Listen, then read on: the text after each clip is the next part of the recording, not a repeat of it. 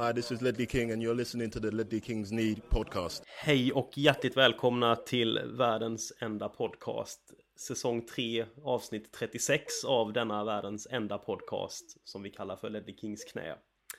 Med mig idag har jag två herrar som sitter i Värmland, Marcus Håkman och Alexander BM.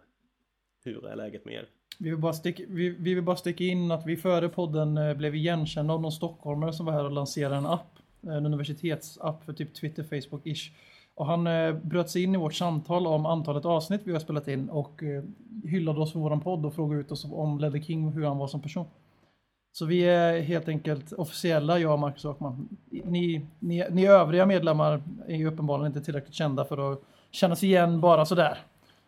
Uppenbarligen inte, men det är så Håkman, den enda med. kontrakt i podden, BM, hans som konstant springer runt och håller honom i, i fickan. Det, då blir det så. Det var ju en, det var en annan rolig, de sa fel en gång på TV4, TV4s Nyhetsmorgon. De skulle prata om ficka. De pratade om kryptonit och ficka. Då sa ju någonting, då sa ju någonting annat än ficka. Så varje gång någon säger ficka, då tänker jag på... Ja, vad tänker jag på då, Folin? Flicka. Ficka. Nej, inte riktigt. Men någonting som en flicka har i alla fall. Vad har en flicka som inte en kille har? börjar på F. Fötter? Ja. Um, ska, är det dags kanske Fransar, att eh, presentera veckans gäst?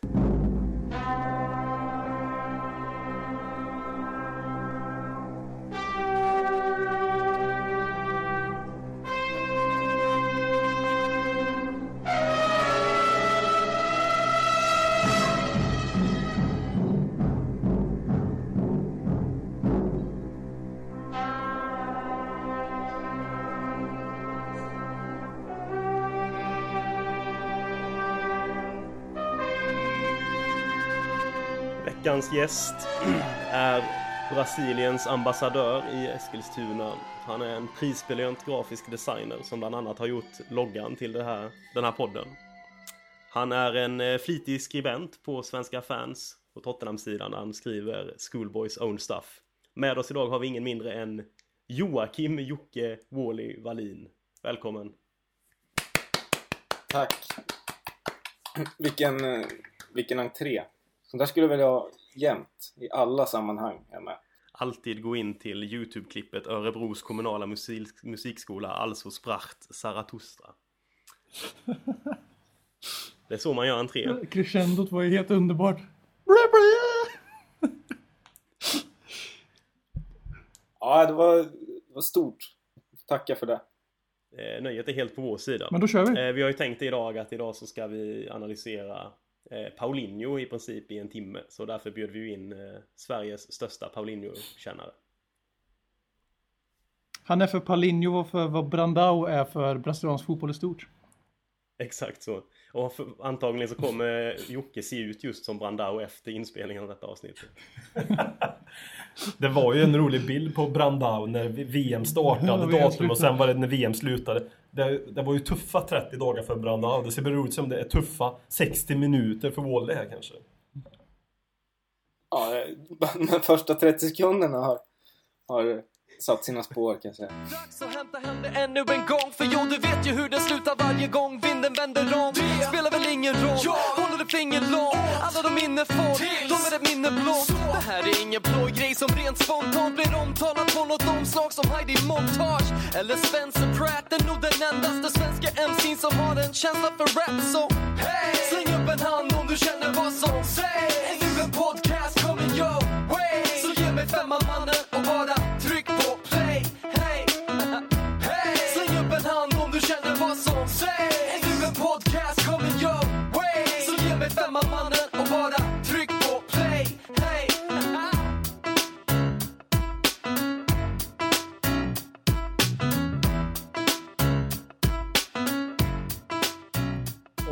då så är det dags att eh, djupanalysera den fantastiska 2-0-segern hemma mot Hull City. Hull City Tigers, eller vad heter de nu egentligen?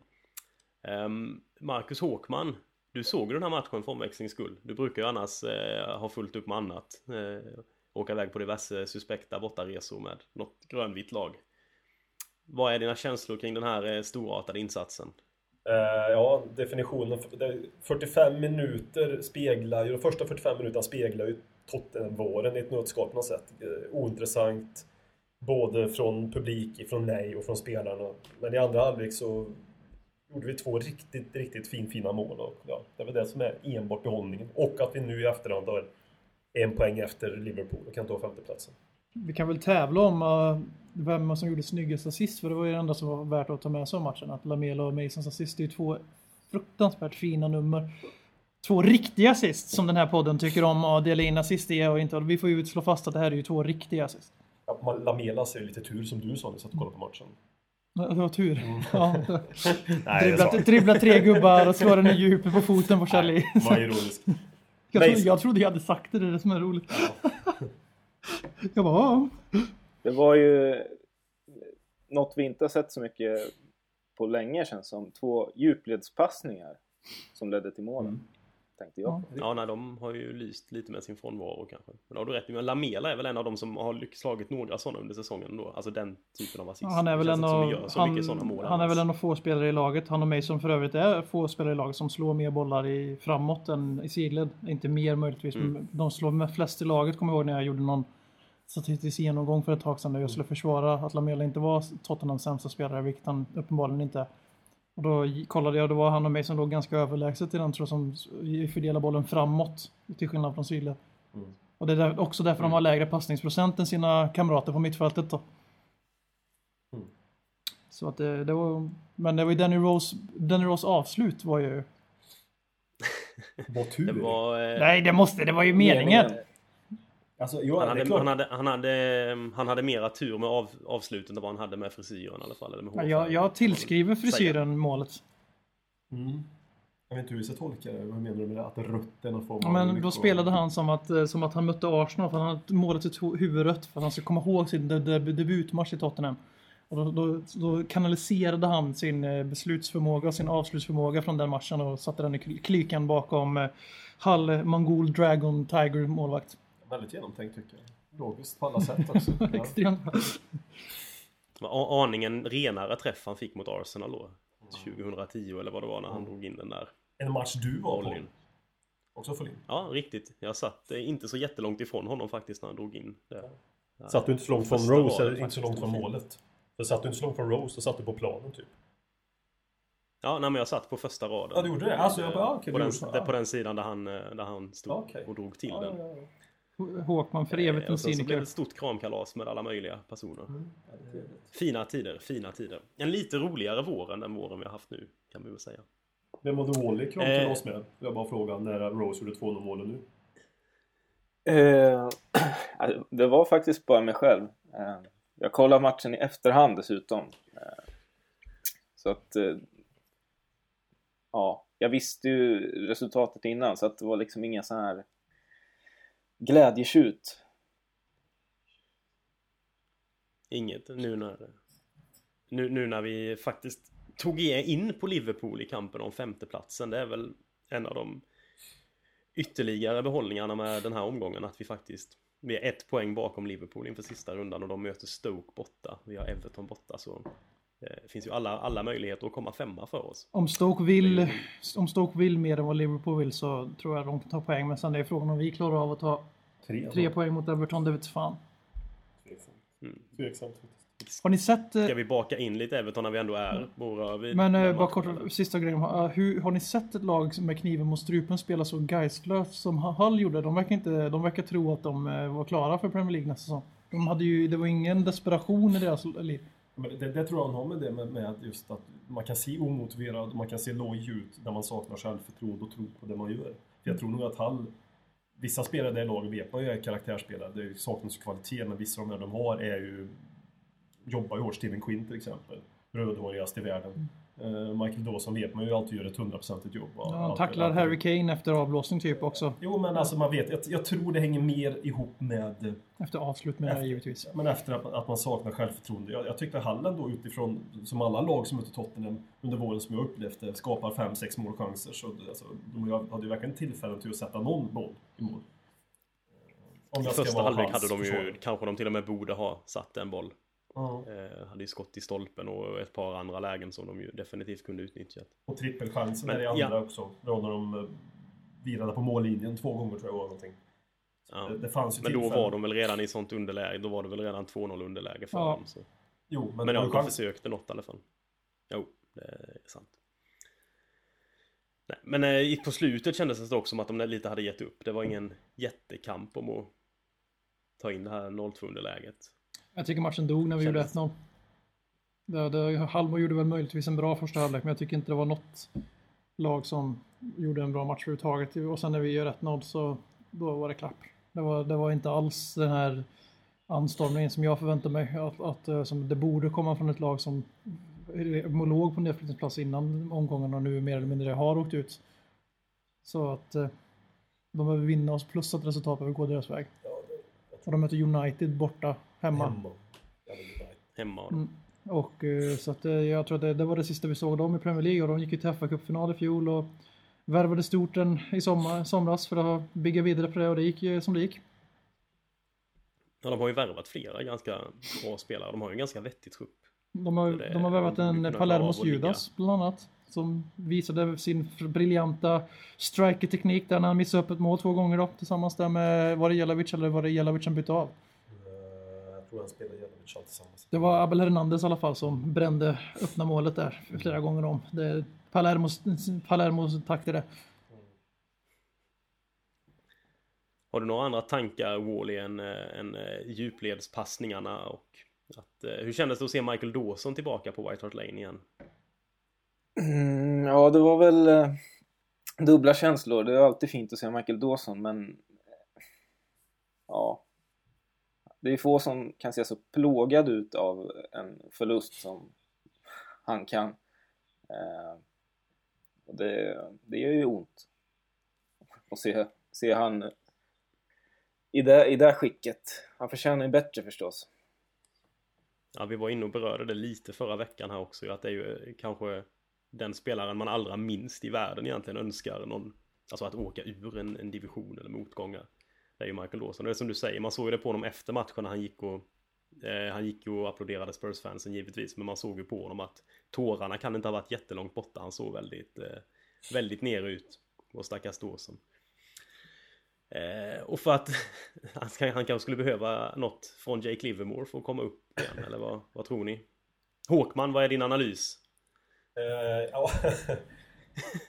om, om Jakes? Om Jake Livermore, alltså det är ju... eh, någonstans så... Jag, jag såg på Match of the Day, eh, det var ju inte min analys men jag tar in den analysen när jag hörde på Match of the Day.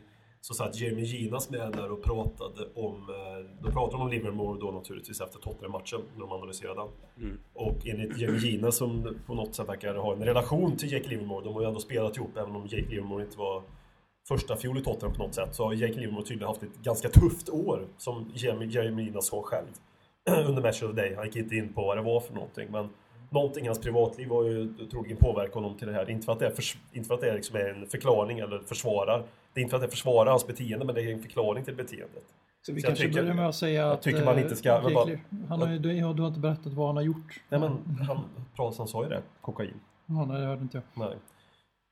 Men han... eh, Sa jag det? Nej, jag tror det jag inte. Jag tror bara jag spelade på den och lämnade över den till dig.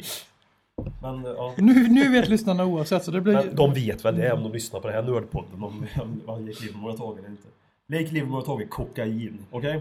Så det jag pratade om hela tiden fram till två minuter sedan, det var att det handlade om hans, att han har missbrukat kokain i någon form, i någon mängd. Eh, eventuellt. Andra provet har ju inte tagit än, så man är ju inte skyldig för den provtvåan taget. Nej, nej, han åkte ju dit i en, en, ett dopingtest var det Ja. efter deras matchen innan Tottenham.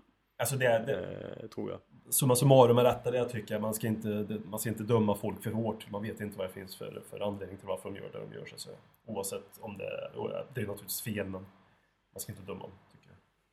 Man ska inte vara bödel. Nej, och han, Nej, det är jag... nej, han har ju blivit avstängd av Hall Ja. eh, resten av säsongen i och med att de går vidare med den utredningen. Mm. Eh, Så han var ju den av de tre gamla Spurs-musketörerna som inte fick återvända till White Hart Lane. Tom Huddlestone spelade ju också men Avslut. märkte inte av honom speciellt mycket. Förutom han satt på bänken och såg sur ut för att han hade blivit dominerad av Nabil Bentaleb. Och Ryan Mason. Ja, du har fått en liten beef med Huddlestone. Ja, men sen så som han spelade mot, så som han spelade mot oss första gången han återvände till White Lane. Och så, alltså överdrivna firanden och inte han gjorde inte mål, men liksom hur fult han spelade. Och så, det, det märks att han har ett horn i sidan till Spurs och då är inte jag sen att svara tillbaks för han är inte så mycket att hänga i julgranen Tom Huddleston har inte varit där på ganska länge. En sanslös glorifierad och romantiserad fotbollsspelare som slog ganska fina långbollar djupt sittande men hade aldrig tempot eller eh, inställningen för att lyckas i Spurs när vi växte ur våran eh, medelmåttiga ko- kostym. Så nu eh, är han där hemma. Och så går det när man pissar på Spurs och lämnar Spurs. Får vi väl nästan hoppa till Wally här som jag vet har, har oerhört svårt att sluta älska spelare som har spelat i Spurs. Vad- Hur ställer du Eller dig som är brasilianare. aggressiva angrepp på Tom Huddlestone? Delar Ja. du de känslorna eller vad säger du? Nej, ja... min, min, min första reaktion var ju, vad fan sitter han och säger? Men han har ju... Du har ju rätt på, på, sätt och vis tycker jag. Alltså, han, vi växte ju ur Tom Huddleston-kostymen. Ehm, hur, hur konstigt den där låter med ketchup. uh, bless. Men... eh, ja, det var, det var ju dags för honom att gå vidare helt enkelt. Ehm, Sen tycker jag han är ju...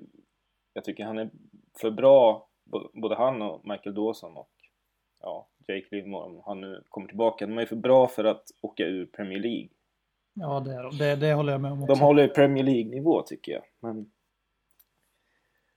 Ja. Då måste man prestera också. Jag har ju själv alltid varit ganska svag för Tom Huddlestone så jag har inte slagit på så mycket hat mot honom än direkt. Det var, det var dig jag försökte angripa vill jag bara så poddlyssnarna förstår. Det var dig jag försökte trygga igång när jag gick, när jag gick lös på Huddleston. Aj, aj, aj. Inte komma och ursäkta sig han. Nej, Det var jag står för vad jag sa. Jag tycker, jag tycker illa om honom sen han betedde sig som han gjorde. Men jag var, det var dig jag försökte trigga igång och så fördelade du vidare ordet direkt. Det är så jag hanterar eh, min ilska nu för tiden. Jag bara skickar det vidare till någon annan. Jag delegerar det. Så får någon annan hantera det. Sen sitter jag och bygger upp det inom mig istället. Sen så kommer allt på en gång. Det, det kanske var det som hände i Livermore. Om vi ska gå och koppla tillbaka och prata om och prata om Livermore. Var vi färdiga med Livermore vid Håkmans eh, gråa konstaterande att man ska inte döma någon förrän man vet allt. I hans, eh, ja precis. Eh, nej, vi kan väl snacka lite mer om, om Jake och eh, vi har ju tänkt prata lite om det liksom. Det blir ju alltid snack om det här att fotbollsspelare ska vara förebild och så vidare och så vidare. Och att det är hemskt att Nej, alltså så egentligen när fotbollsspelare gör mycket mindre grejer än vad Livermore har gjort så kan det kan de ganska lätt utmåla som dåliga förebilder, att de har ett ansvar mot, Man röker Hippocrack mot till alla exempel. fans och alla andra som följer dem. Vad, det, vad tycker ni om det? Alltså du Håkman som är den stora moraliska väktaren här i podden. Vad, Jag blev det idag om inte annat. Ja, men jag, jag tycker att de, de har ett ansvar med det de tjänar och den publicitet de får och den publicitet de... En del utav dem skapar själva genom olika sociala medier. De är ju väldigt, väldigt aktiva vissa på att liksom skapa en image om sig själv. Och speciellt om man gör det aktivt själv så har man också ett ansvar vad man gör eh, som människa. För att de är ju förebilder för många. Och då är det framförallt hur de beter sig även på fotbollsplanen kan jag tänka ibland. Hur de agerar mot domare, hur de protesterar som Chelsea eventuellt mot PSG. Sådana där grejer som är, inte rör sig om kokain. Eh, Kanske. nej, precis så, så, så aggressiva som de var där. Uppe- Adrian uppe Muto, varv. Adrian Muto har ju, eller Muto har ju en historia av det och han har ju också även spelat i Chelsea. Så Så, är det. Har vi- har ju spelat i Tottenham också så Mm, det den kanske finns en gemensamma nämnaren där. Ja. Nej men jag, jag tycker absolut att de har ett ansvar, spelarna. Eh, som, som bara för att ta ett exempel, Zlatan sa det han sa eh, efter, Om cyklar, efter om matchen, efter Paris där. När han blev avstängd ett antal matcherna, gick han med domaren. Det tycker jag även han har ett ansvar, vad han vräker ut sig i stundens hetta. Trots att det är stundens hetta. Så absolut, spelare har ett stort, stort ansvar. Ansvar. Mot ungdomar. Ja, det, ja, det ligger absolut någonting i det och även i emot klubben känner jag det är där det stora, eh, alltså på ett sätt ligger i, i att du som professionell idrottsman så har du ju, det är ju liksom din kropp som är ditt verktyg, det är ju det klubben och alla betalar för, det är det de investerar i liksom. Och då får du verkligen se till att du sköter den på allra bästa sätt och att snotta kokain är väl kanske inte det optimala sättet att hålla kroppen i trim. Um, sen ibland kan jag tycka att det kan bli lite alltså, tråkigt Alltså när, folk tjabbar om att fotbollsspelare ska liksom vara förebilderna i världen. Att det är, folk som blir överbetalda för att de har liksom välkoordinerade fötter och kan sparka på en läderboll. Att det är de som ska forma ungdomarna eh, enbart. Jag tycker ibland att man kan måla, lyfta fram dem som lite för stora influenser på sådana sätt. Men det innebär ju inte att man ska springa runt och snota kokain och bete sig allmänt grisigt. Jag håller även med dig Håkman om det att just på fotbollsplanen med så finns det, finns det många fotbollsspelare som har mycket att, att lära och förbättra. Men det är väl något som klubbarna måste arbeta på med. Det är ju en Tony Pulis är väldigt bra på. Han har ju stängt av spelare som har filmat och sånt och som har betett sig dåligt på träning har jag läst om och gett dem böter tror jag. Det, på så vis kan man ju säkert komma åt mycket av det oönskade beteendet också. Det är väl det Hall gör nu. Men vad känner ni VM här som straff för Livermore? Vad är liksom rimligt där? Eh, Lagligt eller alltså i lagens mening eller i sportslig mening? För i lagens mening Ja, har jag jag- ingen aning vad kokain... böter. Han kommer förmodligen bli avstängd en bit in på nästa säsong också så länge beroende på vad han får straff i rättegång.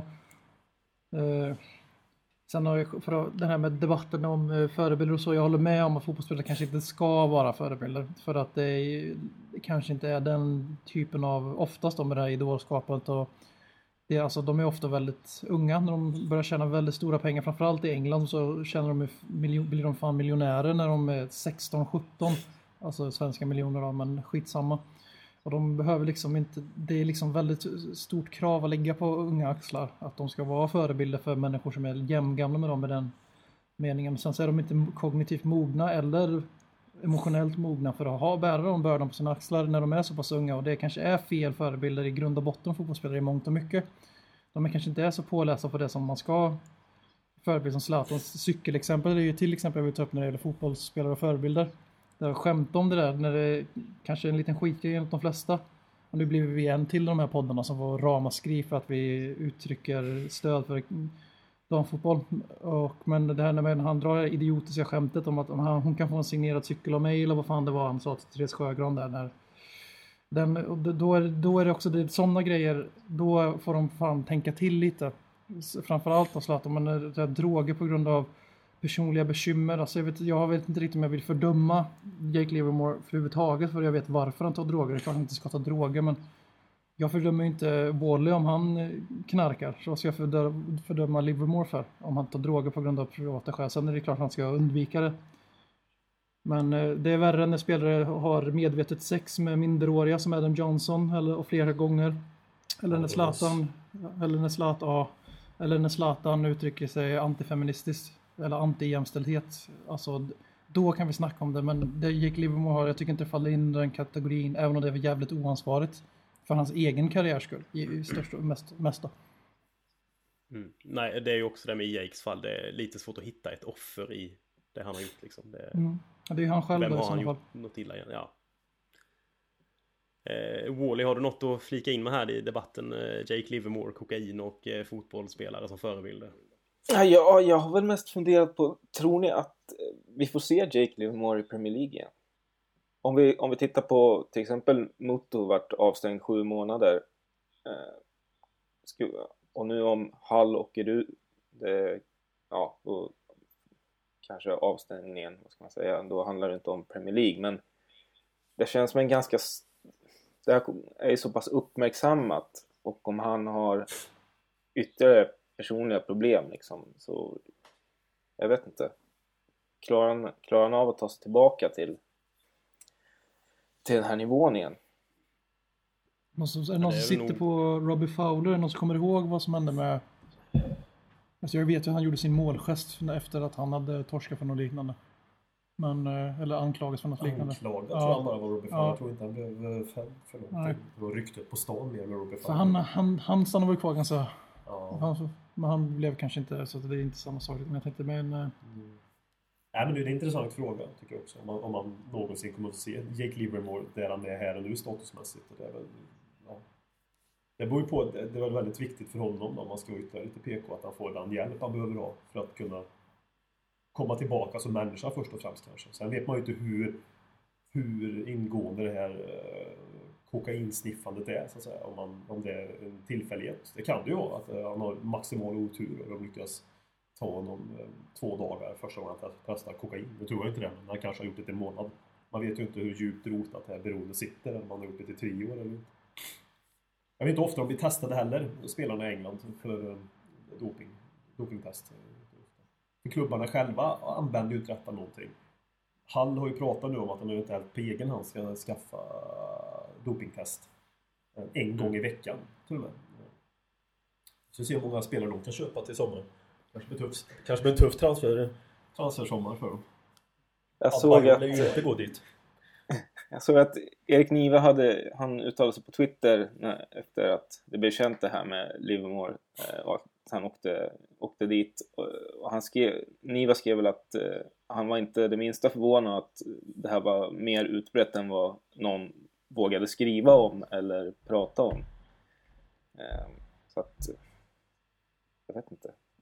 Det är säkerligen Det, det kanske är så att det är utbrett men de är bra på att dölja det.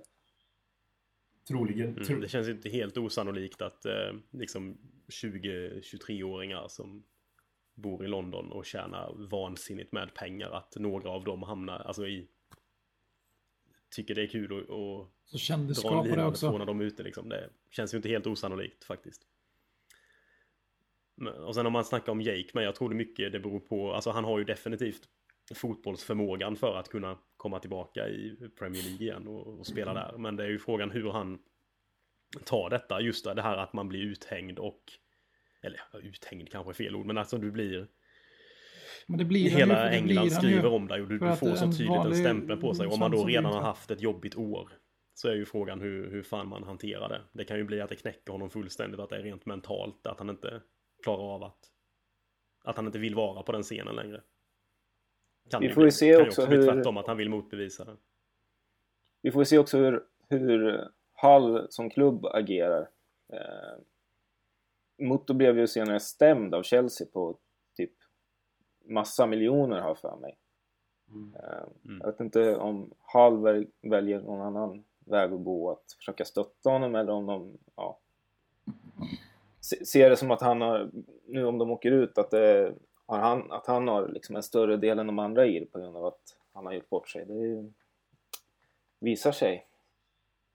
en miljard ska stämma om Liverpool på. Hela Premier League. Ska ni ta tillbaka den till Nej, men Spurs? det, det är ju faktiskt en väldigt bra grej att lyfta där att det är ju antagligen väldigt mycket upp till hur Hall agerar i det här fallet. Jag tycker vi hämtar hem honom till Spurs. Plocka hem honom till, till pappa Pochettino. Han kan sitta, han kan sitta på bänken eh, som homeground istället för ett en Capo som inte alls får sitta på läktaren för klubben typ. Du, nu, nu, det här, nu pratar vi om Livermore och seriösa grejer, men vi glömde att ta upp det med Hall. Det var ju lap of honor eftersom det var sista hemmamatchen. Capo, Kabo- Kabul och Adebayor, två av tre kaptener, behagade inte ens dyka upp på matchen och liksom gå och klappa åt fansen efter sista matchen av säsongen. Det glömde Det vi gjorde i och för sig inte. Pochettino heller. Nej, han hade ingen ursäkt. Han var, han var, han var fan med där.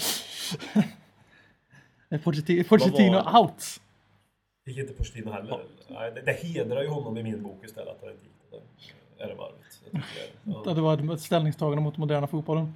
ja. Måste Eh, vara ett tecken på att han eh, får sparken. Ja, det tror jag också.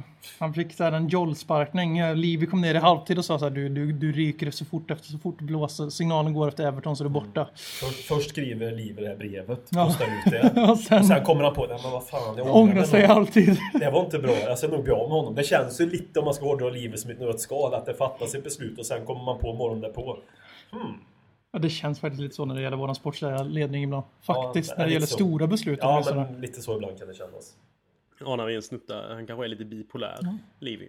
På morgonen, Pochettino är jättebra, här ska vi bygga framtiden. På eftermiddagen, Pochettino är jättedålig. Det finns så här gamla klassiska historien som eh, VM känner till, som är ett stort Palermo-fan med eh, Samparini. Samparini. Han är med på ett italienskt tv-program, ungefär kanske som deras Match of the Day. Då han får en fråga från en av dem inne i studion. Eh, hur kommer du göra nu med tränaren? Vem det är det vet jag inte, Ja, men en är- tränare.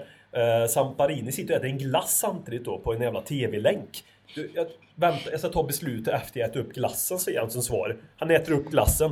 Han får sparken, sa han. Ja, men den här, alltså, den Det är här, väl ganska otrolig eh, grej. Den här snubben har ju Den här snubben är ju alltså känd för att sparka och återanställa spelare. Han har ju favorittränare som man säger det. Francesco Gudilini, eller Gudilini säger man. Som Gudilini. var Udinese nu. Ja, och var väldigt framgångsrik i Palermo. Han har fått sparken två eller tre gånger av Sampa. Och sen har du ju han Beppe Iacchini som är nya favorit som slog klubbrekord i Palermo. För att få vara kvar på posten på en och samma gång utan något avbrott. Och då tror jag det var någon så här väldigt låg siffra som typ ett år. Alltså det var lite mer än ett år, något sånt där, i antal dagar. Jag kommer inte ihåg siffran nu, men så det, vi har en liten bit kvar till den nivån på kaoseri, men livet närmar sig. Det var lite det jag var ute efter. Att, Om våran teori nu att han kickar Pochettino. Men vad, vad, skulle då Livi äta, dricka för någonting om man skulle ta samma beslut? Jag tror inte det är en glass. Vad, vad, vad har vi för eh, Livi-attribut om man skulle... Vad- om han får frågan från Gary Lineker med så är det Livi. How is the future with eh, Vad dricker, vad dricker är eh, lön- lönnmördare? Vad dricker eh, assassins? Alltså i Hitmans, vad dricker de? För det var Jag livet. tänker de äter någon sån där väldigt smaklös, typ ett knäckebröd utan smör på eller någonting på alls. Bara sitter och biter ihop det. Och dricker ett glas vatten liksom. Det är vad de gör. Vad, vad var det för glass? De liksom kan inte njuta av någonting. Njuta av någonting. Italiensk mjukglass såklart. Vad har du då Wally? Har du någonting? Han skulle eventuellt tugga, dricka någonting? Och kära... Ja, typ blod från 200 kattungar. Så riktigt ont. O- offrade, offrade på spetsiga pålar. Och så som man sköljer ner med Lina Cooks för att göra Jake Livermore sällskap på bad guy list. Du som har en Wenger-barometer, vad skulle Wenger göra i samma sits? Jag har ju mina egna teorier som jag inte kan säga för då skulle den här podden aldrig få släppas. Men som innefattar yngre människor. Men... I- Vilken situation tänker du på? Vad skulle ja, li- göra om? ja, jag vet inte, jag snurrar ju bort mig själv. Men Wenger får samma fråga. Alltså, inte Wenger nu menar jag, utan... eh, Jo, Wenger får samma fråga om en spelare i Arsenal ska få sparken eller inte, säger vi. Vi säger Jack Wilshere. Vad gör du med Kommer du sälja Jack Wilshere eller inte? Eller ska han få sparken? En det är bra skönt fråga. att du får förbereda dig.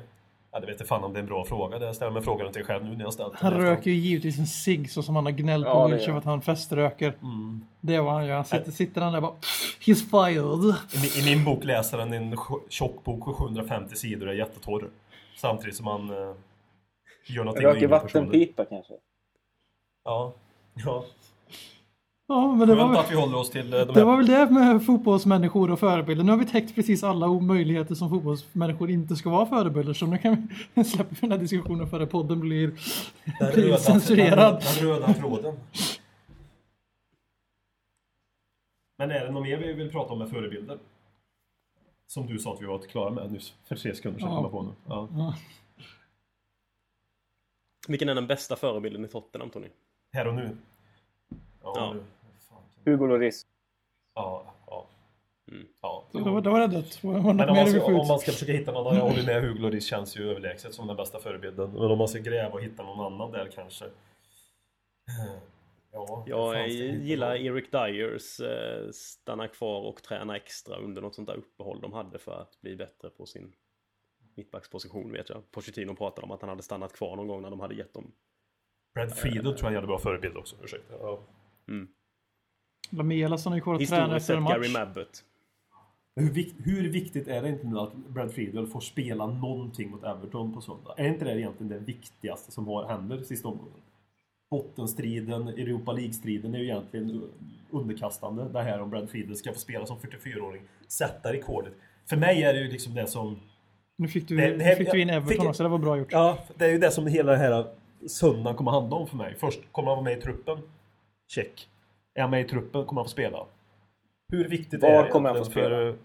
Vad sa du? Var kommer han få spela? den är den bästa frågan. Ja. Striker sista fem. Går in Gör ändå på- fler mål än Soldado. Ja, men det är, för mig är det viktigt att han får spela. Jag vet inte... Men tänk om han får Det är ta... viktigt på riktigt alltså. Vi leker med tanken så här, vi går in på den seriösa diskussionen. Att vi får en straff i 94 minuten. Friedel har blivit inbytt för att spela sista minuterna. Han får gå fram och ta straffen. Sätter straffen och gör lika många ligamål som Roberto Soldado säsongen 2014-15. Det borde ju alltså... Och Lamela. Lamela ha gjort två. Har gjort två. Ja. Burnley och... Uh, han, ska, vilka, han gjorde hans mål mot... eh, han gjorde Maradonas gudshand. Ja, just det. Fan också. Jag tänkte sätta Var inte det mot. Burnley igen? Eller? Nej, det Nej, så var... 15 Det Nej, nej, det blev drömmål mot 0-0 där, Burnley. just det. Just det Det Ja. här målet var ju för övrigt med på, eh, som kandidat till månadens mål när klubben hade omröstning. Lamelas hans mål. Ja. Det, det var torrt på mål, må- våra mål. Det tar väldigt mycket om månader. Ja, men jag går över till Friedel där igen. Vad tycker ni? Jag tycker inte det är särskilt viktigt för jag föredrar att komma femma för att Brad Friedel ska få spela faktiskt. Om jag måste välja.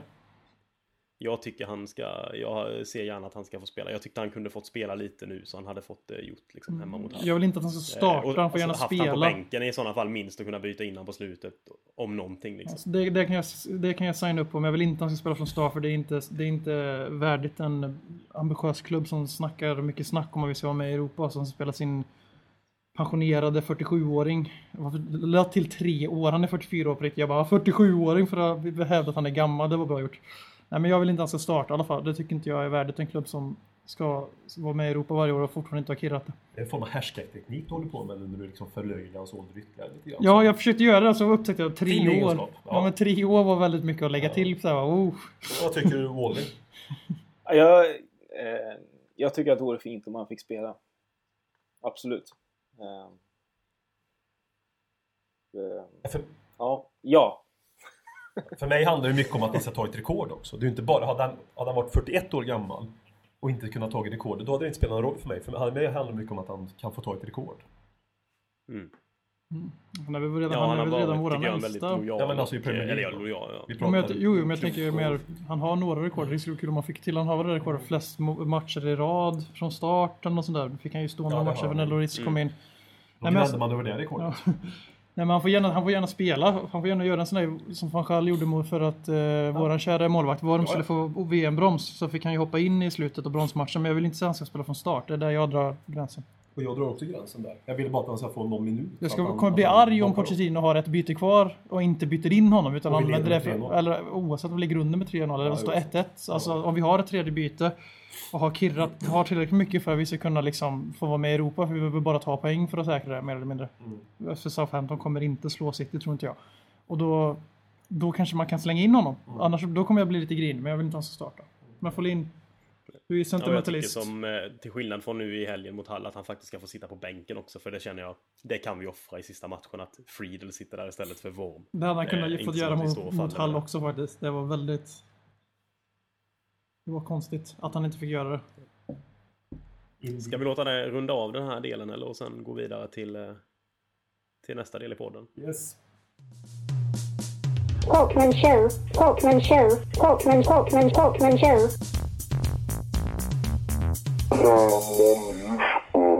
Idag tänkte jag prata om det som hände efter matchen mot Hall och det som hände på många hemmaarenor efter den matchen. Man går på innerplanen och bli hyllade. Det i sig har jag ingenting emot att man tackar av eh, fans och spelare, men det finns ju saker i Tottenhams agerande som stör mig något fruktansvärt. Selfiepinnen.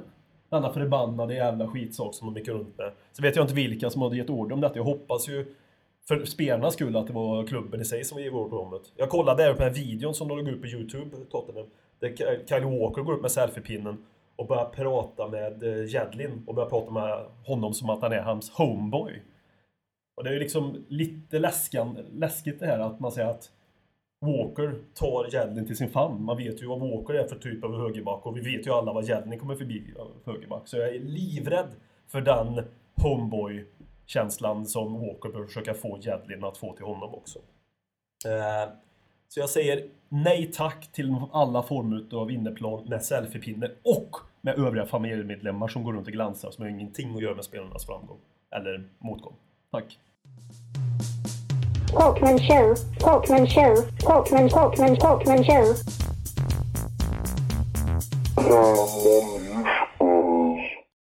Då går vi ifrån Håkmans eh, synande av Tottenhams hyckleri med eh, de förbjudna selfiepinnarna som hade tagit sig in på planen. Det kan ju faktiskt varit så att de har bannat dem från läktaren så att de ska, ska kunna samla på sig selfiepinnarna själva för att sen kunna ge till spelarna och därmed kan Levi spara in på utgifterna. Man vet ju aldrig. Eh, vi tänkte vi går därifrån till eh, att prata om eh, något annat vi fick se i matchen mot Hall, nämligen nästa säsongs tröjor. BM, du som är vår stora tröjvän, du köper ju flera tröjor varje år med spelarnas namn och ditt eget namn på ryggen. Eh, Äh, jag har var aldrig din, köpt mitt eh, eget namn. Jag kommer aldrig köpa mitt eget namn. Den vill jag till med. Det är sånt sysslar inte BM med. Han pratar bara om sig själv i tredje person. Det gör BM däremot. Det värsta är att du har gjort det utan att tänka på tror jag också. Nej, jag gör det faktiskt. Ja, och du skriver så i chatten också. BM är bortrest då. Det är min, ni tror att det är jag som skriver, det är egentligen min assistent. Har ni inte fattat än att det är Ah, Håkman ja. är bara min så här, Håkman är bara den jag ställer ut, likt eh, en sann kommunistisk ledare. Han är liksom profilen som ni tror är den eh, som får alla förmåner i systemet. Men egentligen så är det jag, järnhanden bakom mannen som, eh, som får alla förmåner. Så det är min assistent som sitter och skriver BM bortrest när BM bortrest. Hans personliga assistent. Oops. Ja. Nog om BMs personliga assistent. Tröjorna BM. Eh, BM tycker att eh, tröjorna är helt okej. Mm. BM tycker att det är tröttsamt att läsa debatten om att den borde inte vara röd, eh, sponsorloggan, för BM håller med det, men det är inte AIAs fel att de har ett rött företag, utan det är Livis fel att han har skrivit ett avtal med dem. Så BM skulle uppskatta om vi hatade på Livi istället för på AIA, men annars så bryr sig BM inte så mycket om det, förutom att han never read. Never read. Om vi ska, det det, du det, utvecklades ett intressant eh, betygssystem i vår, vårt kommentarsfält på Facebook-sidan när vi la upp en bild på eh, tröjan. Vad var det? Från Vlad Chirikes till... Nej, från Ja, Judas Gino. till eh, Ginola. Det var det som var betygsskalan och så kunde man sätta i, välja lite själv vad man tyckte att spelarna låg. Där. Vi fick in en Voldemort också väl, eller vad var det? Mm. Ja, vi fick, fick in allt möjligt. Men eh, först och främst Håkman, du är ju Ginola-älskare. Ska, skulle du ge den här tröjan epitetet Ginola? Aldrig i livet. Men en, en, en, en enda tröja Ginola, det kan vara en tröja på Ginola, så kan få Ginola i, som att säga. Vilken spelare i, i truppen, om du var tvungen att välja en, vad representerar den här tröjan för dig? Alltså, Um, vad fan kan det vara? Nej, jag har ingen spelare så på rak arm, men, men alltså, det, det här tröjan, jag, det jag tänker på när jag ser den här tröjan först och främst, det är VM 82 och Peru, tänker jag, tänker jag på. Inte för att jag kommer ihåg VM 82 som jag var tre år då visserligen, men VM 82 och Peru. Jag gillar den stripesen som är där. Eh, Jag ogillar det gråa inslaget som är där. BM ger mig fingret. Vad betyder det? jag, jag håller upp handen för... Ja, nu har du pratat färdigt där då. Nej, jag har inte riktigt gjort det. Jag, jag, alltså till, till skillnad, jag är faktiskt inte jag vet ju att Wally är en stor uh, Jo, tröjälskare. jag skulle fråga honom frågorna vi har fått av lyssnarna om tröjorna. Men varsågod, ställ din fråga först, sen får Wally svara på ytterligare en fråga sen. Tröjorna. Wally, kör. Var det en fråga? Ja, vad tycker du om tröjan? Nej, jag tycker... eh, Jag vet inte, jag har inte riktigt koll på den skalan, men jag, jag gillar den. Eh, Jag gillar också, som du var inne på, den här stripen. Den känns liksom... Känns klassisk på något sätt. Även om det inte är någon liksom, klassisk Spurs-tröja på så sätt. Men... eh, Ja, Övriga attiraljer, de här kragen och uh, linesen i är tröjärmen. lagom cleant, tycker jag. Jag tycker, jag tycker också det. Jag tycker förra tröjan fick man tvinga sig själv att tycka om. Den var nästan snyggful och man tycker egentligen inte om den. Men den här tycker jag faktiskt är helt okej. Det är nog den bästa tröjan Under Armour har gjort för oss. Enligt mig. För jag tycker att den med HP-loggan var lite för... Jag tycker om när de ser lite halvt modern och tights. Som får gärna sitta tightsen sen får de gärna ha retro-design. Men den var fortfarande lite old school. Plus att den var väldigt... Den här HP-loggan var inte så snygg på det cleana vita. Utan HP-loggan är skitsnygg. Men med HP-loggan så såg den bara billig ut tyckte jag. Så det här var nog deras bästa tröja. Och det säger ju inte mycket heller egentligen. Nej, verkligen. Det, nej, det, det var bra tillägg. Det var bra tillägg. Men Folin, har- vi har fått en fråga på Facebook här. Så du kan få svara om, om tröjorna. Du kan först få, få svara om de är bra eller anus. Eh, då tycker jag de är bra. Det är Gustav Jonsson som undrar det. Och eh, sen undrar han om det blir ett köp och så fall vilket namn och nummer på ryggen vi har. Då kan vi gå laget runt, men vi börjar med dig. Ehm, ja, det är möjligt att det blir ett köp. Jag är inte helt, helt säker. Men om det blir det så tror jag eh, namnet blir eh, Mason. Förhoppningsvis med nummer åtta. Säger Ja, jag då, och det skickar får ju, vidare det får ju Wally, till, det eh, måste ju Wally replika på. Vad sa du? Det måste ju Wally få ge en... det här Ja, jag skulle ju precis säga det. replik. Vi- Med tanke på numret jag sa så skickar jag vidare den till, eh, till Wally. Stum. Ehm.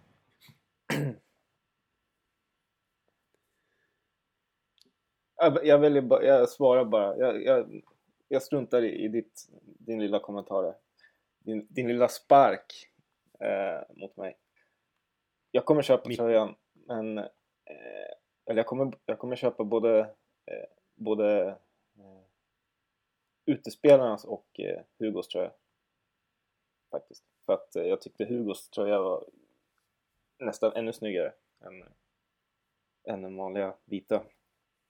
Eh, så att blir det något namn då blir det nog Hugos. Jag skulle avråda dig från att då skulle jag vänta till efter sommaren och köpa målvaktströjan i sådana. Nej, nej. Det är lugnt. Det är lugnt. Men eh, det, jag har ju slutat köpa tröjor med namn på. Nästan. Det är Håkmans förtjänst. Det är han som har liksom, eh, ja, bankat i mig skulle jag nästan säga. Men han, han, det har han aldrig gjort. Men han har ju övertygat mig. Jag gillar hur snabbt du korrigerade det där så det inte skulle verka som om Håkman går runt och slår folk för att de ska tycka det han tycker. Det, det vill vi ju alla dementera givetvis. Självklart. Håkman, blir det köp? Nej. Inte målvaktströjan heller? Jo. Alltså blir det någon så blir jag målvaktströjan och det är inte för att han är grön och vit. Det är visst för att den är grön. Nej, det är för att det är Hugo. Ja, men jag tyckte målvaktströjan var snygg. Sen tycker jag det finns saker i en matchtröja som är snygg också. Men det, det, oftast när man har fyra färger i en matchtröja så blir det två färger för mycket. Alltså det är ju... Sponsorfärgen kan man inte göra så mycket åt. Den är röd. Det silvriga syns ju inte lika mycket som det, det som var gult förra året så att säga. Eller den här säsongen. Sen har vi det, det vita. Och det blåa också naturligtvis. Eh, Men det blir nog troligtvis ingen matchtröja och hade jag köpt en matchtröja så hade det definitivt aldrig blivit namn på den heller. Punkt. Niklas Björn frågat om ungefär Ja, samma sak. Ja, jo, han har frågat ungefär samma sak på Twitter så jag ville bara namedroppa Mm. honom. Eh, Eh, jag kommer köpa tröjor, jag köper alla, hem, alla hemmatröjor. Vare sig jag vill eller inte för att det är samling. Men jag kommer att sluta köpa med spelare för jag har fått anstränga mig något fruktansvärt att köpa tröjor efter jag köpte King, Dawson, Bale. Och sen så efter det så blev det väldigt svårt att köpa spelare som kändes genuint som man ville spara i sin minnesbank eh, på det sättet då. Och då köpte jag King en gång till när han hade gått i pension. Och sen så köpte jag Nabil Bentaleb för en sarkastisk hyllning till Tim Sherwoods Tottenham och för att Nabil är vår nästa storspelare. Men nu finns det liksom ingen att välja. Så att eh, jag kommer att sluta köpa med namn på ryggen exakt som Marcus Håkman har predikat sen första avsnittet av Ledley Kings knä 2003. Och jag vill bara säga snabbt här. På tal om hyllningar och hyllningar till Sherwood. Snart kommer du hylla Sherwood på riktigt också. Genom att köpa nummer 8 Aston Villa Sherwood. Så du tar den här hyllningen ett snäpp till. Och sen när han förlorade med 6-1 på, mot Southampton så vet jag inte om man kan eh, bärga hem FA-cupen. Jag tappar lite förtroende där men jag hoppas... Du har ju inget förtroende för från början. Nej, men Så jag menar, du kan ju inte tappa någonting du inte har. Wally, Jag vågar knappt köpa tröjor med namn längre för att alla jag köper säljs året efter. Alla kan du, inte köpa, kan du inte köpa Paulinho snabbt? Nej, just Adebayor därför då? gör jag inte det. Adebayor då? Kan vi er diskutera. Adebayor? Ja. Vlad! Adebayor skulle jag kunna göra, men då skulle jag vara tvungen att gå runt med en Adebayor-tröja.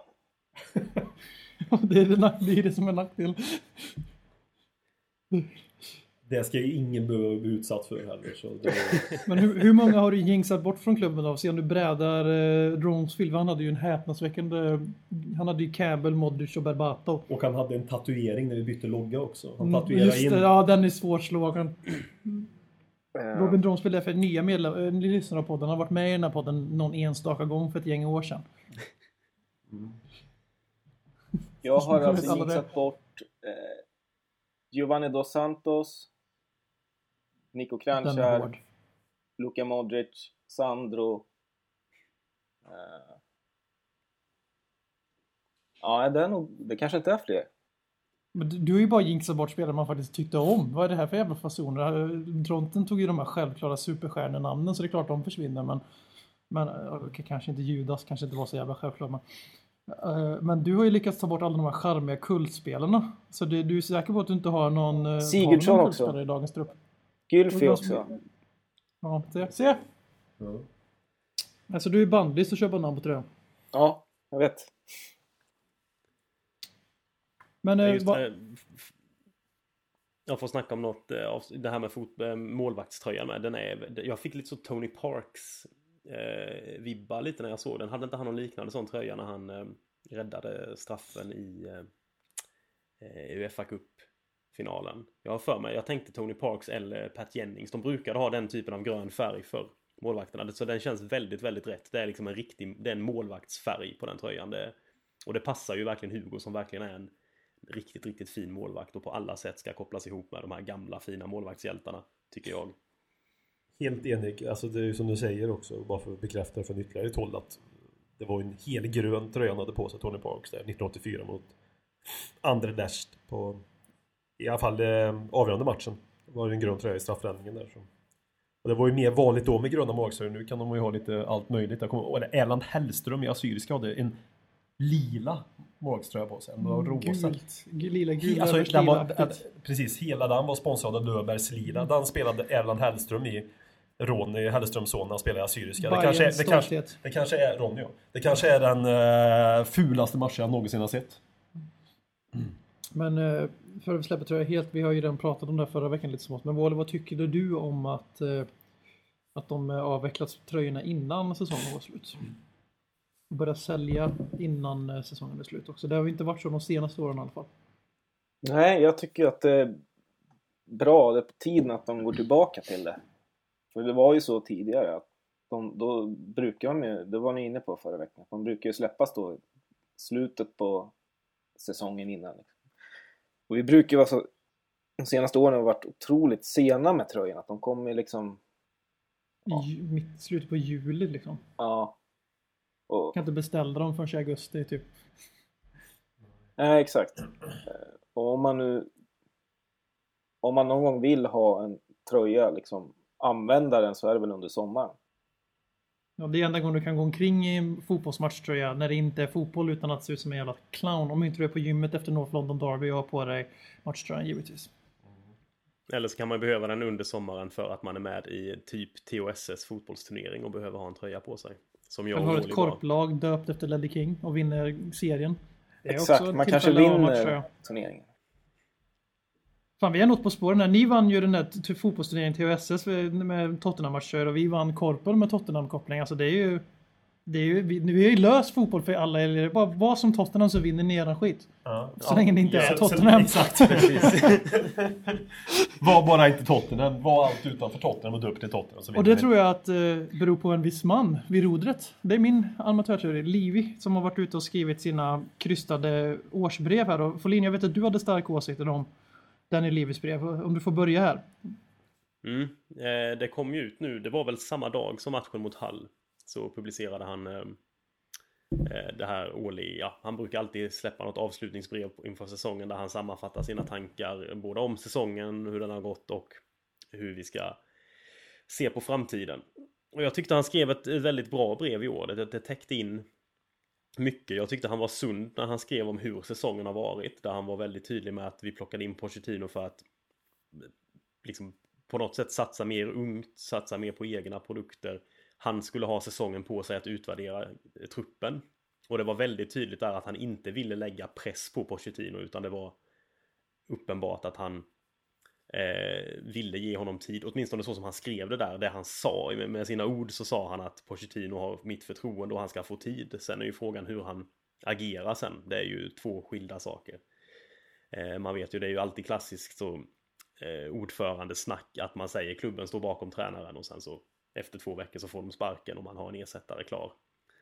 Eh, men jag gillade det och även när han pratade om framtiden att han sa att Eh, vi kommer stötta honom i sommar med att göra värvningar och där snackade han ju också om att som jag förstod att det de kommer vara ute efter i sommar är typiska Tottenham-spelare. Han snackade om att vi spelar på ett visst sätt och att vår publik vill se underhållande fotboll och att det var det de skulle vara ute efter. Vilket väl är lovande på ett sätt men det finns kanske också lite otypiska Tottenham-spelare som vi hade behövt få in för att styra upp skutan där bak lite. Eller vad känner du Håkman när du har du någon annan, annan åsikt om Livis brev? Ja, jag tyckte det var, det var ett bra brev som eh, sammanfattar hur jag känner inför Tottenham nu och vad som känns realistiskt att förvänta sig av Tottenham just nu. Sen eh, det, är det jag hoppas också på någonstans att det brevet som är skrivet också kommer spegla framtiden. Det är väl det jag är mest oroad för sett till historik men kommer brevet spegla framtiden så är jag jätte, jättenöjd. Jag personligen är mer, jag tycker han började den här resan med brevet i fjol. När han skrev liknande saker i alla fall om det här att han tog bort det här Champions League kravet utan det var Europa som gällde och så att det är prio ett är arena för det är klubben har identifierat att eh, ny arena är den enklaste och den nästan enda vägen som de ser i alla fall eller som de säljer det till oss för, för oss att verkligen tävla på riktigt i toppen av Premier League så behöver vi en ny arena för att få in mer, generera mer inkomst och mer intäkter och det är väl jävligt sound och eh, han fortsätter på den inslagna vägen i år. och Det var ett homeground och det ska vara ungt. Det ska vara, han tryckte på arenan en gång till och så var det Europa vi skulle tävla om. men Det stod inte uttryckligen Champions League eller Europa League utan det stod Europa. Och för mig så är det en kostym jag är mer bekväm med. Jag trivs mer i Tottenham som är som Martin Jols Tottenham.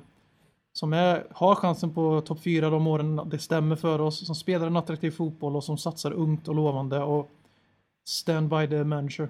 Det, det är vad jag vill ha och det vi har fått det förut med Joel och Rednap i viss mån och nu hoppas jag att vi får det igen. Och att han håller sitt ord. Wally, har du något att inflika här? Han är så arg för ingen av oss nämnde Paulinho så han liksom har tappat fattningen. Nej, det gjorde inte Livi heller tyvärr. Jag hade velat ha ett förtydligande, ett försäkrande om hans... By the way, we won't sell Pauli. Eh, Exakt. What? We will not sell our best players. Eh, nej, men det var ju som ni var inne på, liksom välformulerat och sådär. Ja, det känns som han, han så till att lämna varenda dörr som finns öppen. Liksom att stöttar Pochettino men Spurs spelar på ett visst sätt. Vi är vana vid underhållning och så vidare. Så att där har liksom, ja, händer det något, ja, då kan han ändå hävda att vi har vår, sätt att spela på som måste som vi måste tänka på.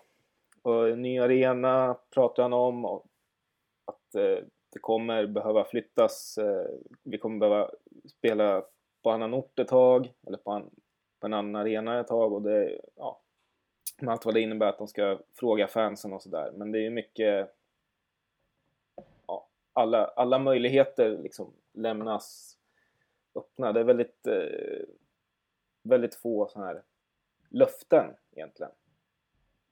Han säger mycket men väldigt lite.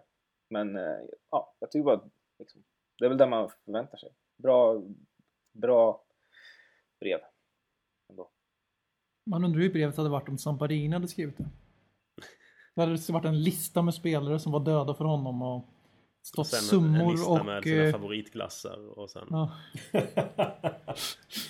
Det har bara varit ett kort meddelande. Jag äter glass just nu, jag återkommer. Jag återkommer med en lista över sparkade spelare och tränare och döda familjemedlemmar. Mm. Men det, det är liv i ett nötskal. Eh, Han är inte en football guy, men han är fantastisk på...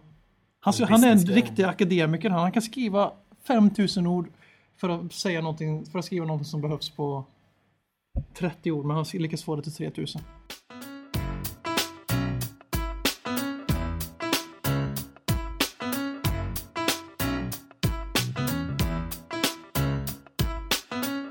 Kan förklara er utan att se, för nu drar jag bara frågor så väljer jag ut den och svara så kanske ni får fylla i varandra om ni vill. Men vi börjar med Johan Sjöström på våran Facebook som undrar vad vi kommer att dricka på deadline day i år.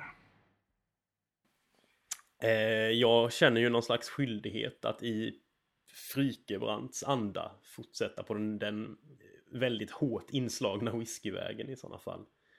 Ehm, Då undrar jag, då vill jag ställa en följdfråga på Sjöström här, då Jossios, då undrar jag vart ska vi dricka i år? Vi kan inte göra en transfer deadline day utan att alla är på samma ort. nej, det... mm, Bergen är alltid öppet och välkommen om ni vill sitta här uppe i, på fjället och,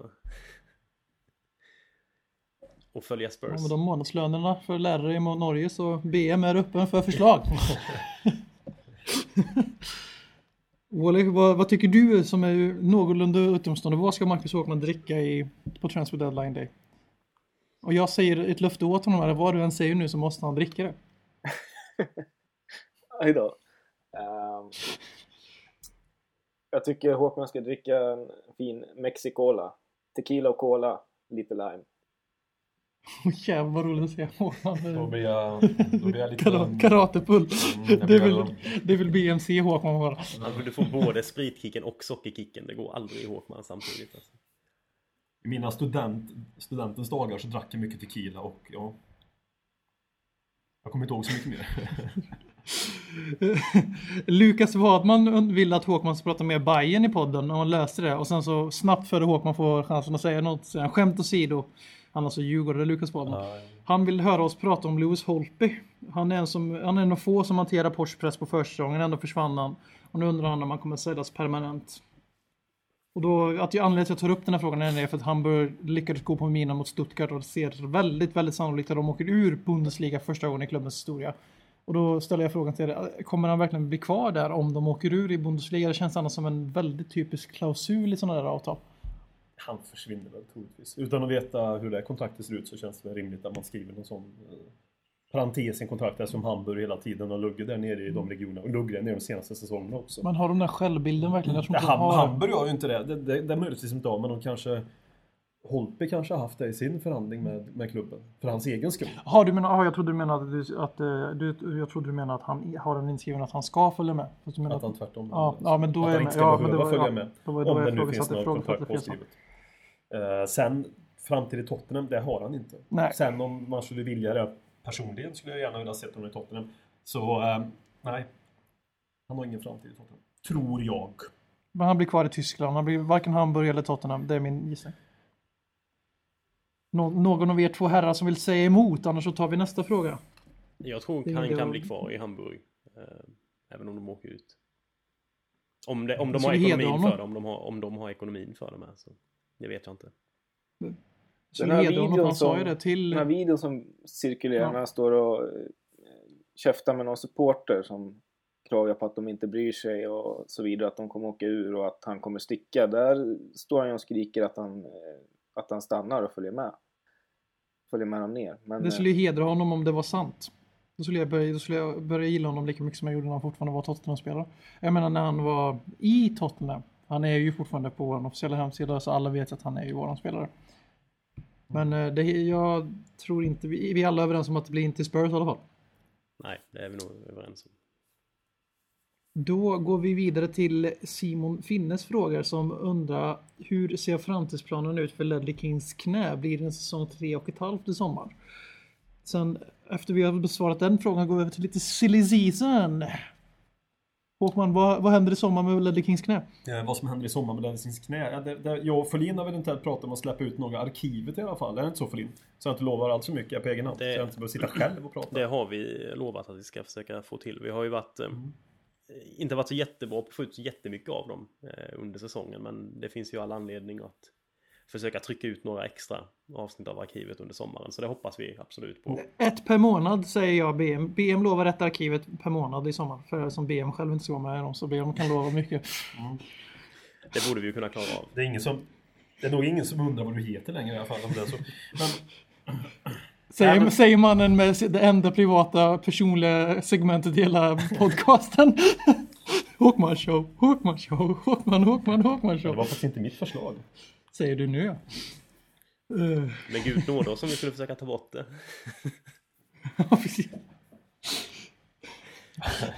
Nu blir det väldigt olustig stämning. Jag går vidare snabbt. Eh, Simon vill också att vi ska prata om eh, eh, silly season för att han eh, kan inte stå ut med Sjögren och hans Bentner-runkande i Aftonbladets sillypodd och det vill jag läsa upp det i frågan för jag håller med. Och det är bara Ledley Kings knä som får ha obskyra och konstiga runkande över spelanden som, är- som inte förtjänar egentligen. Det är våran grej och vi skulle uppskatta om han kunde sluta försöka stjäla våran grej. Men eh, för, spelar det in? Vad har ni hört? Vad har ni läst på nätet grabbar? Vad, vad hör ni? Det, det starkaste ryktet nu, eller det har ju pågått ett tag, det är ju den här aus, eh, österrikaren Kevin Wimmer från Köln. Eh, som det ganska länge har snackats om ska vara nära Spurs och nu har det ju börjat ryktas om att han är klar för lite drygt 4 miljoner pund.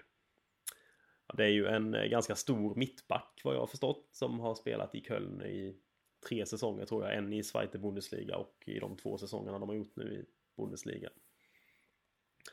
Sen vad har vi mer egentligen? Schneiderling, vissa, vissa rykten om, men det är väl mest på grund av att vi var efter honom så mycket i somras, ja, förra sommaren.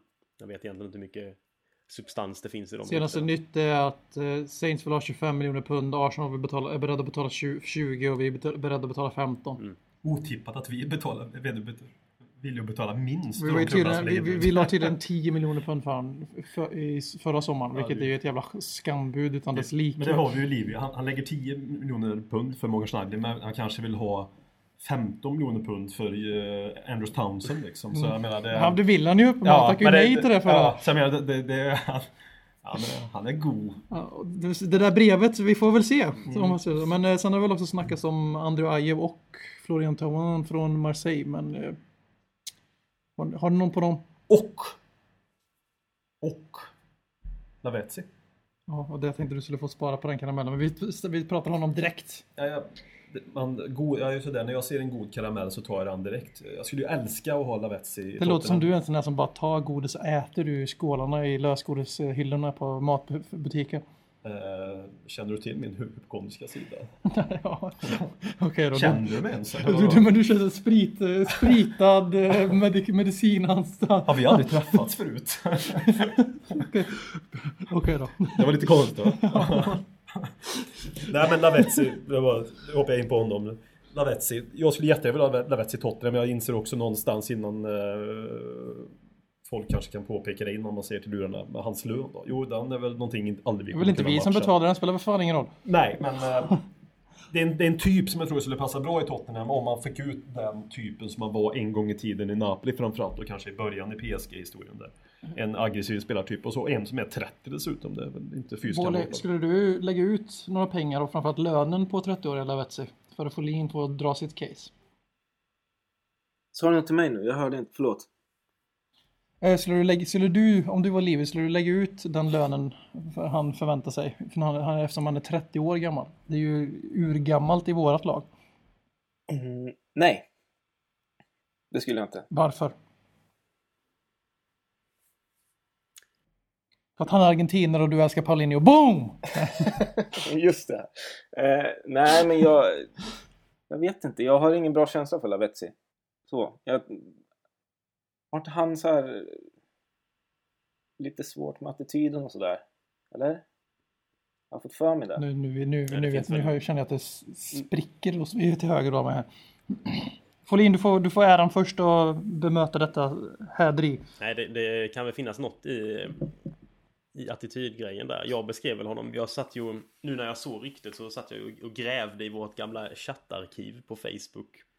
Och där skrev jag ju någon gång i januari att in med Lavetzi, han är, vad sa jag? Ehm, liten, småstörd och skäggig. Och det var det jag motiverade honom med. Och han har ju det är ju någonting med han i hans attityd och hans stil som kanske inte alltid är jättesympatiskt och antagligen kan krascha med en del eh, tränare och lagkompisar men jag tänker lite kanske att Pochettino kan hantera det lite den här Jag får lite så halvmaffiga vibbar från Pochettino ibland att han kan kanske plocka ner eh, En sån herre och så argentinare Bra polare kanske Vem vet jag tror det skulle kunna funka och jag älskar hans spelstil men när han är i, liksom i Den här gamla Napoli när, när han verkligen spelar som han gjorde där nere. Han är, jag tycker han är underbar att se. Han är tyvärr kanske en ganska dålig avslutare, eller sett till med hur mycket han skapar. Men energin och det drivet han har, fan, jag tror det hade varit väldigt nyttigt att få in. Det är också inne på att får man se det energin till den fotbollen Pochettino vill spela. Om man spelar den fotbollen när han är som bäst Lavetzi eller utifrån sina egenskaper på absolut bästa sätt. Då kan man få ut väldigt mycket av honom, tror jag, i en Pochettino-fotboll också. Jag tror han liksom passar i den rollen. Sen är det också att han bränner väldigt mycket. Sen kan man, enligt som- som jag, det, det här kan ju bli... Lyckas en sån här spelare i Tottenham så kommer han ju bli, i mina ögon, min stora favorit i Tottenham. De närmsta åren i alla fall. För det, han har alla attribut till att bli hur älskad som helst i min värld. Han har lite problem med attityden men han är samtidigt en gudabenådad fotbollsspelare och har en högstanivå som är fantastisk. Och det kommer in en, en spelare i detta laget med, med lite attityd på ett eh, internationellt nivå, inte bara attityd i, du gill, men du gillar ju faktiskt lite spel. Du gillar ju spelare som har lite den så rockstar ability som kanske inte alltid är fokuserad på sitt fotbollsspelande så mycket. Det, det är ju en grej hos dig. Ja, men lite så. Det här är ditt väldigt svaga Maradona-substitut du är ute efter. Jag menar, du vill ha en spelare som är som Rockstar, som Maradona. Maradona var mycket mer än rockstar, han var världens bästa fotbollsspelare. Ja, men det var det, det precis. Det var ju därför jag sa det, för att Lavetti ska jag sa att Lavetti skulle vara ett svaga Maradona-substitut. Ja, okej, svårare, svårare, okej, jag hörde. Jag hörde Maradona, jag Hörde ni? hörde Maradona, någonting negativt. Där, där låg smockan i luften. Ja. Eh, men eh, vi, ni får avslöja, André Adjev och uh, Konoplyanka har det ryktats om också på Free Agent. Båda två, båda två yttrar. Någon, vilken av dem ni var tvungna att välja? Vem av dem vill ni ha? Wally? Uh.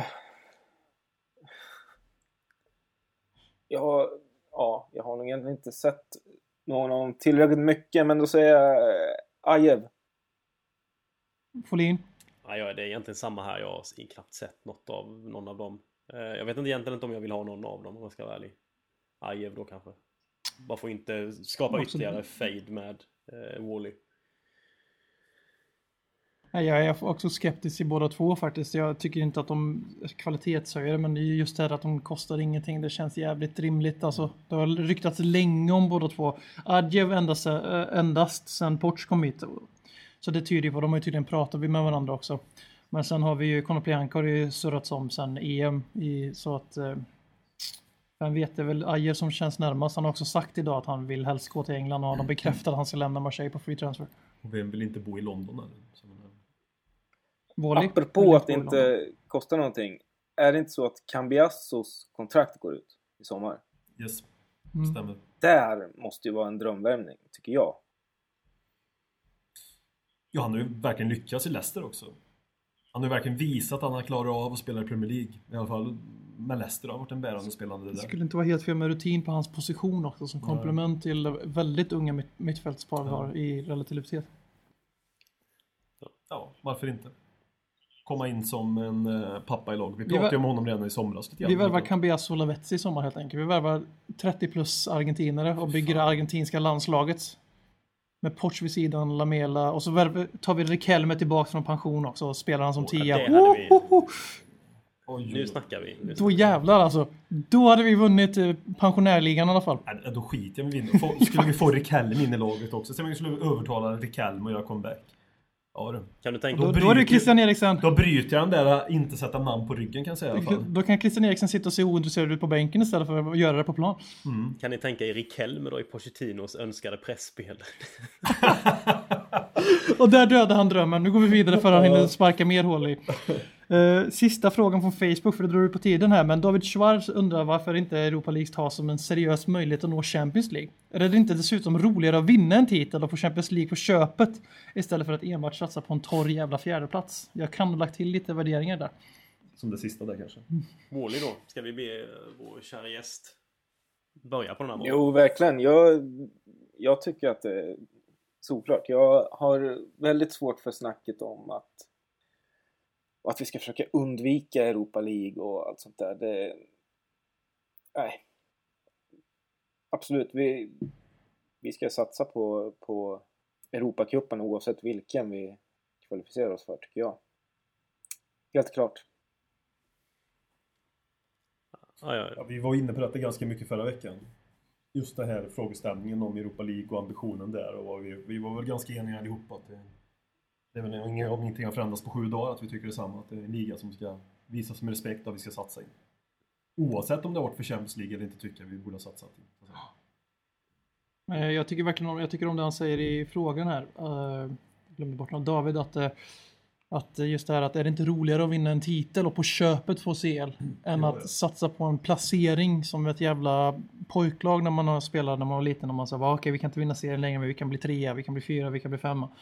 Alltså det, det känns ju väldigt Bill Nicholson och ha- så liksom, det är klart vi ska satsa på att vinna Europa League och ta den vägen i den där jävla Champions League. Alltså vinna en europe, en europeisk trofé, det är få klubbar förunnat. Alltså, sättet många av våra fans ser ner på Europa, Europa League när vi inte ens har varit nära att vinna den på väldigt länge. Det, jag, det, jag har väldigt svårt att förstå det. Ja, det är verkligen ingenting jag delar. Sen tycker precis som jag, alla, precis som alla andra tycker jag att, att eh, Europa League är för lång turnering och att eh, det är inte så jävla spännande när vi spelar gruppspelet oftast. Det är ju också kanske enda chansen vi, vi har att få se Paulinho spela nästa år. Ja, bättre än så kan man inte Ja. motivera det. För han blir kvar, Paulinho. Det är det du säger. Eller är det önsketänkandet eller, eller är det vad du tror? Eh, nej, jag, jag, på uttal, information? jag uttalar mig inte den frågan. Ehm, Fiorentina har ju varit och nafsat lite. Jag tror att det skulle vara bra för alla parter. För alla förutom Fiorentina. på Twitter så har... eh, Vilket är nöjt jävla skratt. På Twitter så har Dan Sandberg frågat oss eh, om vi fick välja en position och välja en star player, vilken position skulle det vara? Eh, Sittande mittfältare bredvid Bentaleb. Cambiasso då, med andra ord, som redan dragit upp. Rikelme. En sittande roll. Oh, jävlar, då skulle vi släppa in mål nästa säsong. Nej men alltså en, en central mittfältare. Är min position. Eh, Wally, du får frågan av Fredrik Hamsun. Han undrar vilka vi ska behålla i sommar. Och då får du bara välja av de som liksom det har riktats att vi ska sälja. Baldini, Seven och Ad- Adebayor med flera. Du behöver inte dra hela truppen du vill behålla utan du får välja ut några av de, de ökändas gäng liksom som du väljer att behålla om någon.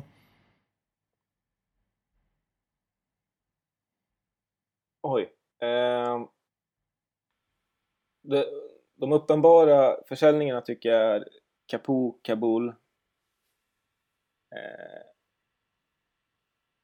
Han tvekar på Adebayor. Hugg nu, nej, hugg! nej, ja. Ja, eh, ja självklart Adebayor. Eh, Lennon, tyvärr. Hej då Apex. Kirikesh. Det är inte många kvar av dem där. Eh, ja, men Paulinho kommer ju också säljas. Soldado antagligen. stora Det beror på det här med ersättare. Jag tror inte de säljer både Adebayor och Soldado utan att ha en ersättare. Nej, det speciellt Men, nu eh, med snacket om att Kane kanske drar iväg och spelar U21-VM eh, är det väl.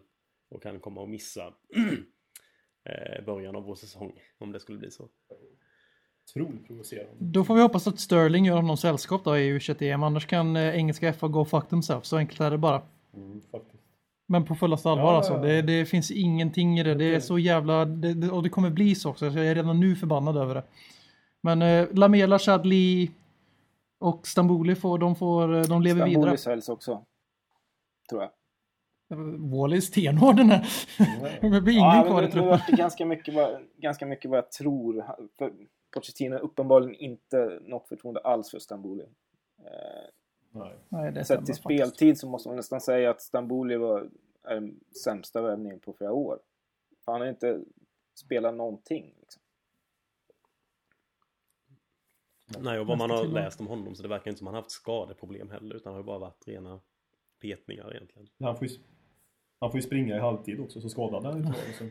Men det är lite konstigt för när han väl har spelat så tycker jag ändå att han har sett ja, men hyfsad ut. Mm.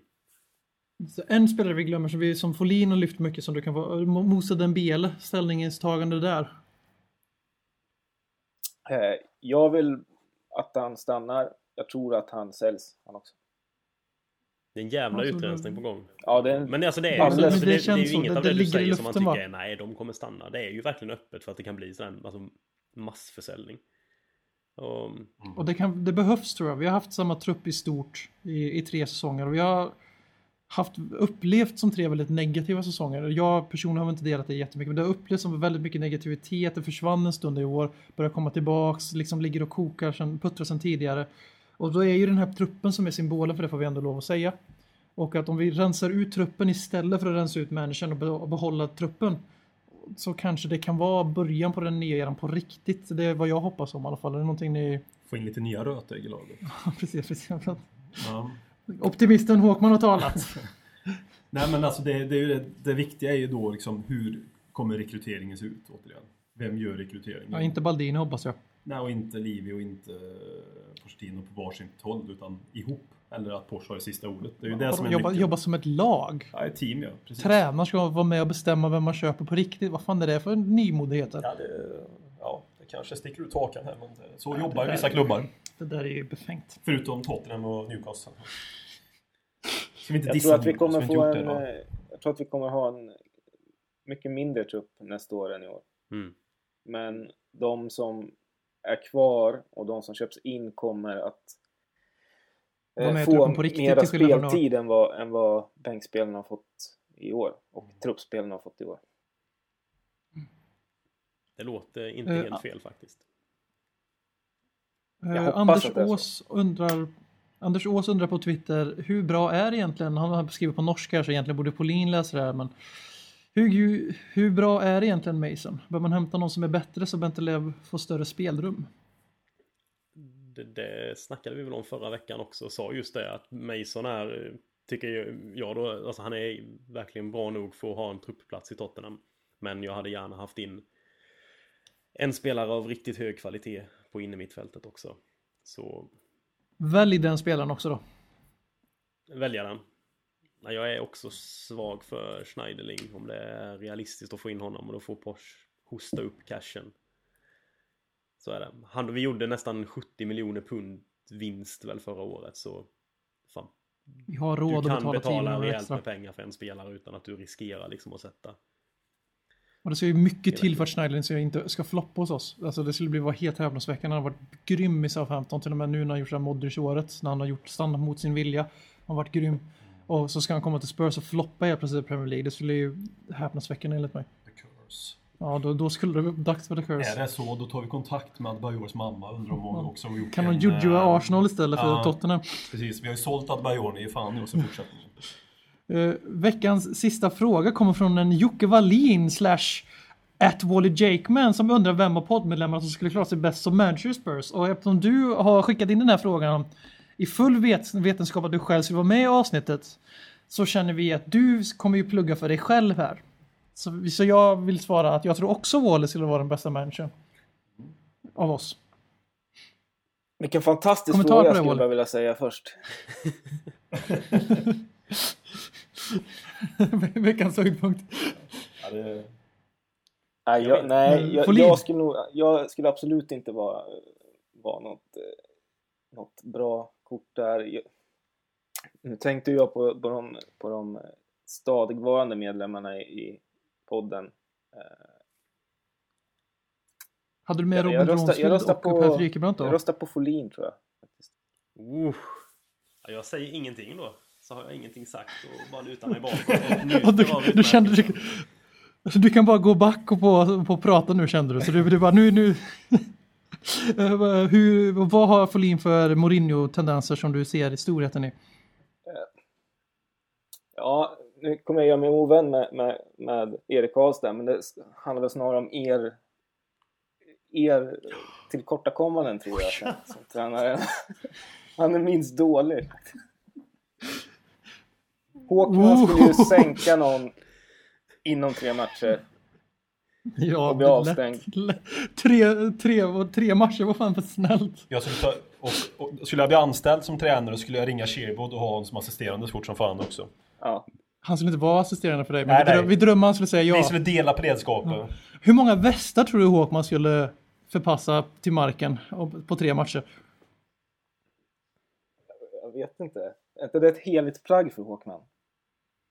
Nej, Nej, väst är ju någonting som, eh, ja, det betyder mycket för oss. Ja, men jag tror på riktigt att eh, på fulla allvar, nu det säger inte jag för att vara roligt, jag tror att Håkman skulle ryka ihop med motståndartränaren eh, alltså max tre matcher före han gjorde, rök ihop med någon motståndartränare.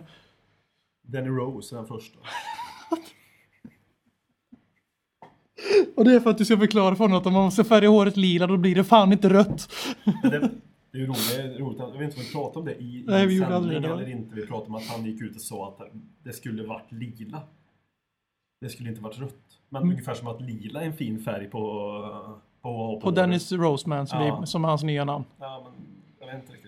Och tydligen har han ju färgat det efter själv också. Det är också lite komiskt. Jag gillar att Wåhle tog Gör upp... man saker själv som fotbollsspelare, 23 år med 18 miljoner på kontot. Jag tycker det hedrar honom att han gör det, även om det är väldigt Och då konstigt. fick vi se resultat också. Ja. Fort Danny Rose försöker någonting själv så blir jag misslyckat och det har vi resultatet. Och det det är därför du sänker honom på träningen första arbetsveckan och sen så var det slut på din karriär i Tottenham. Ja, eller så blir jag uppburen på axlarna som en hjälte. Ja, men jag är nyfiken på Wåhle som du lyfter den här frågan och sen backhand säger att det blir Folin som är bäst. Men han säger att Folin är bara bäst och att vi andra är dåliga. Men vad säger du om Folin då? Ja, vad, vad är det, men vad säger du om Wåhle som tar en fråga där han bara först sänker dig och mig men också sänker Folin i hans vinst? Det är det är väldigt För jag håller med om att om vi var tvungna att välja en av oss tre då skulle jag välja Folin. Ja, Jag skulle välja mig själv. Jag kommer in Jag och svingar vilt här, men ni, ni har kastat skit på mig. Det här är ju händer för Paulinho. Men jag skulle spela hämnd. Paulinho från start varje match. Jag, jag bara säger det till dig Olle. Jag, jag hade spelat Paulinho från start varje match. Och det är därför du inte passar.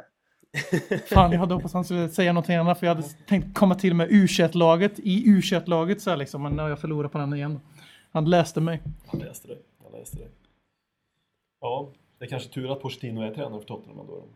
Men Det är eh, kanske det, som, det är kanske det som är poängen med hela med frågan att vi, vi som är amatörerna gnäller alldeles för mycket men egentligen så är det proffset som sitter där. Det är kanske så man ska tolka frågan, som mål istället. Och den är Jag sä- väldigt jag säger ingenting. smart och undringande riktig. Vad sa du? Jag säger ingenting. Nej, vi tolkar den så.